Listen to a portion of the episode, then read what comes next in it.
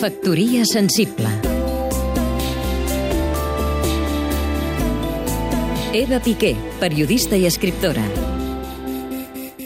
Demà s'estrena a la Biblioteca de Catalunya l'obra Cels, del canadenc Wajdi Mouawad.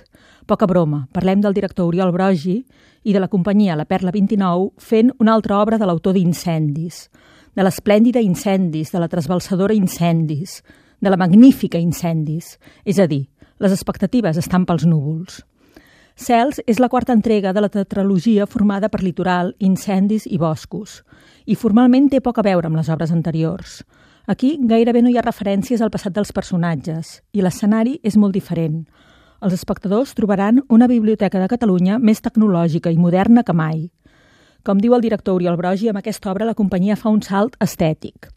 A Cels hi ha una gent tancada entre pantalles d'ordinador que intenta evitar un atac terrorista a escala mundial. També hi ha una joventut descontenta amb els seus pares i amb les generacions anteriors. Persones d'entre 20 i 35 anys que estan tipes de no ser escoltades. Joves que es rebel·len contra un món sense sentit. Escrita el 2009, l'obra té ressons premonitoris del 15M que esclataria dos anys després, el 2011. La joventut que ha crescut a l'ombra de guerres com la de Bòsnia, Ruanda, Kosovo o Txetxènia vol venjar-se de tanta sang vessada i es venja a la manera antiga, amb sang i amb violència. La peça, com totes les d'aquest autor, és dura i punyent. També parla d'art, de poesia i de bellesa en ve alta, però la destrucció ho devora tot. L'obra ofereix unes quantes catarsis encadenades, de les que deixen el públic amb l'ai al cor i alhora amb ganes de més.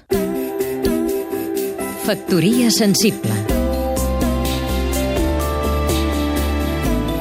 Seguim-nos també a catradio.cat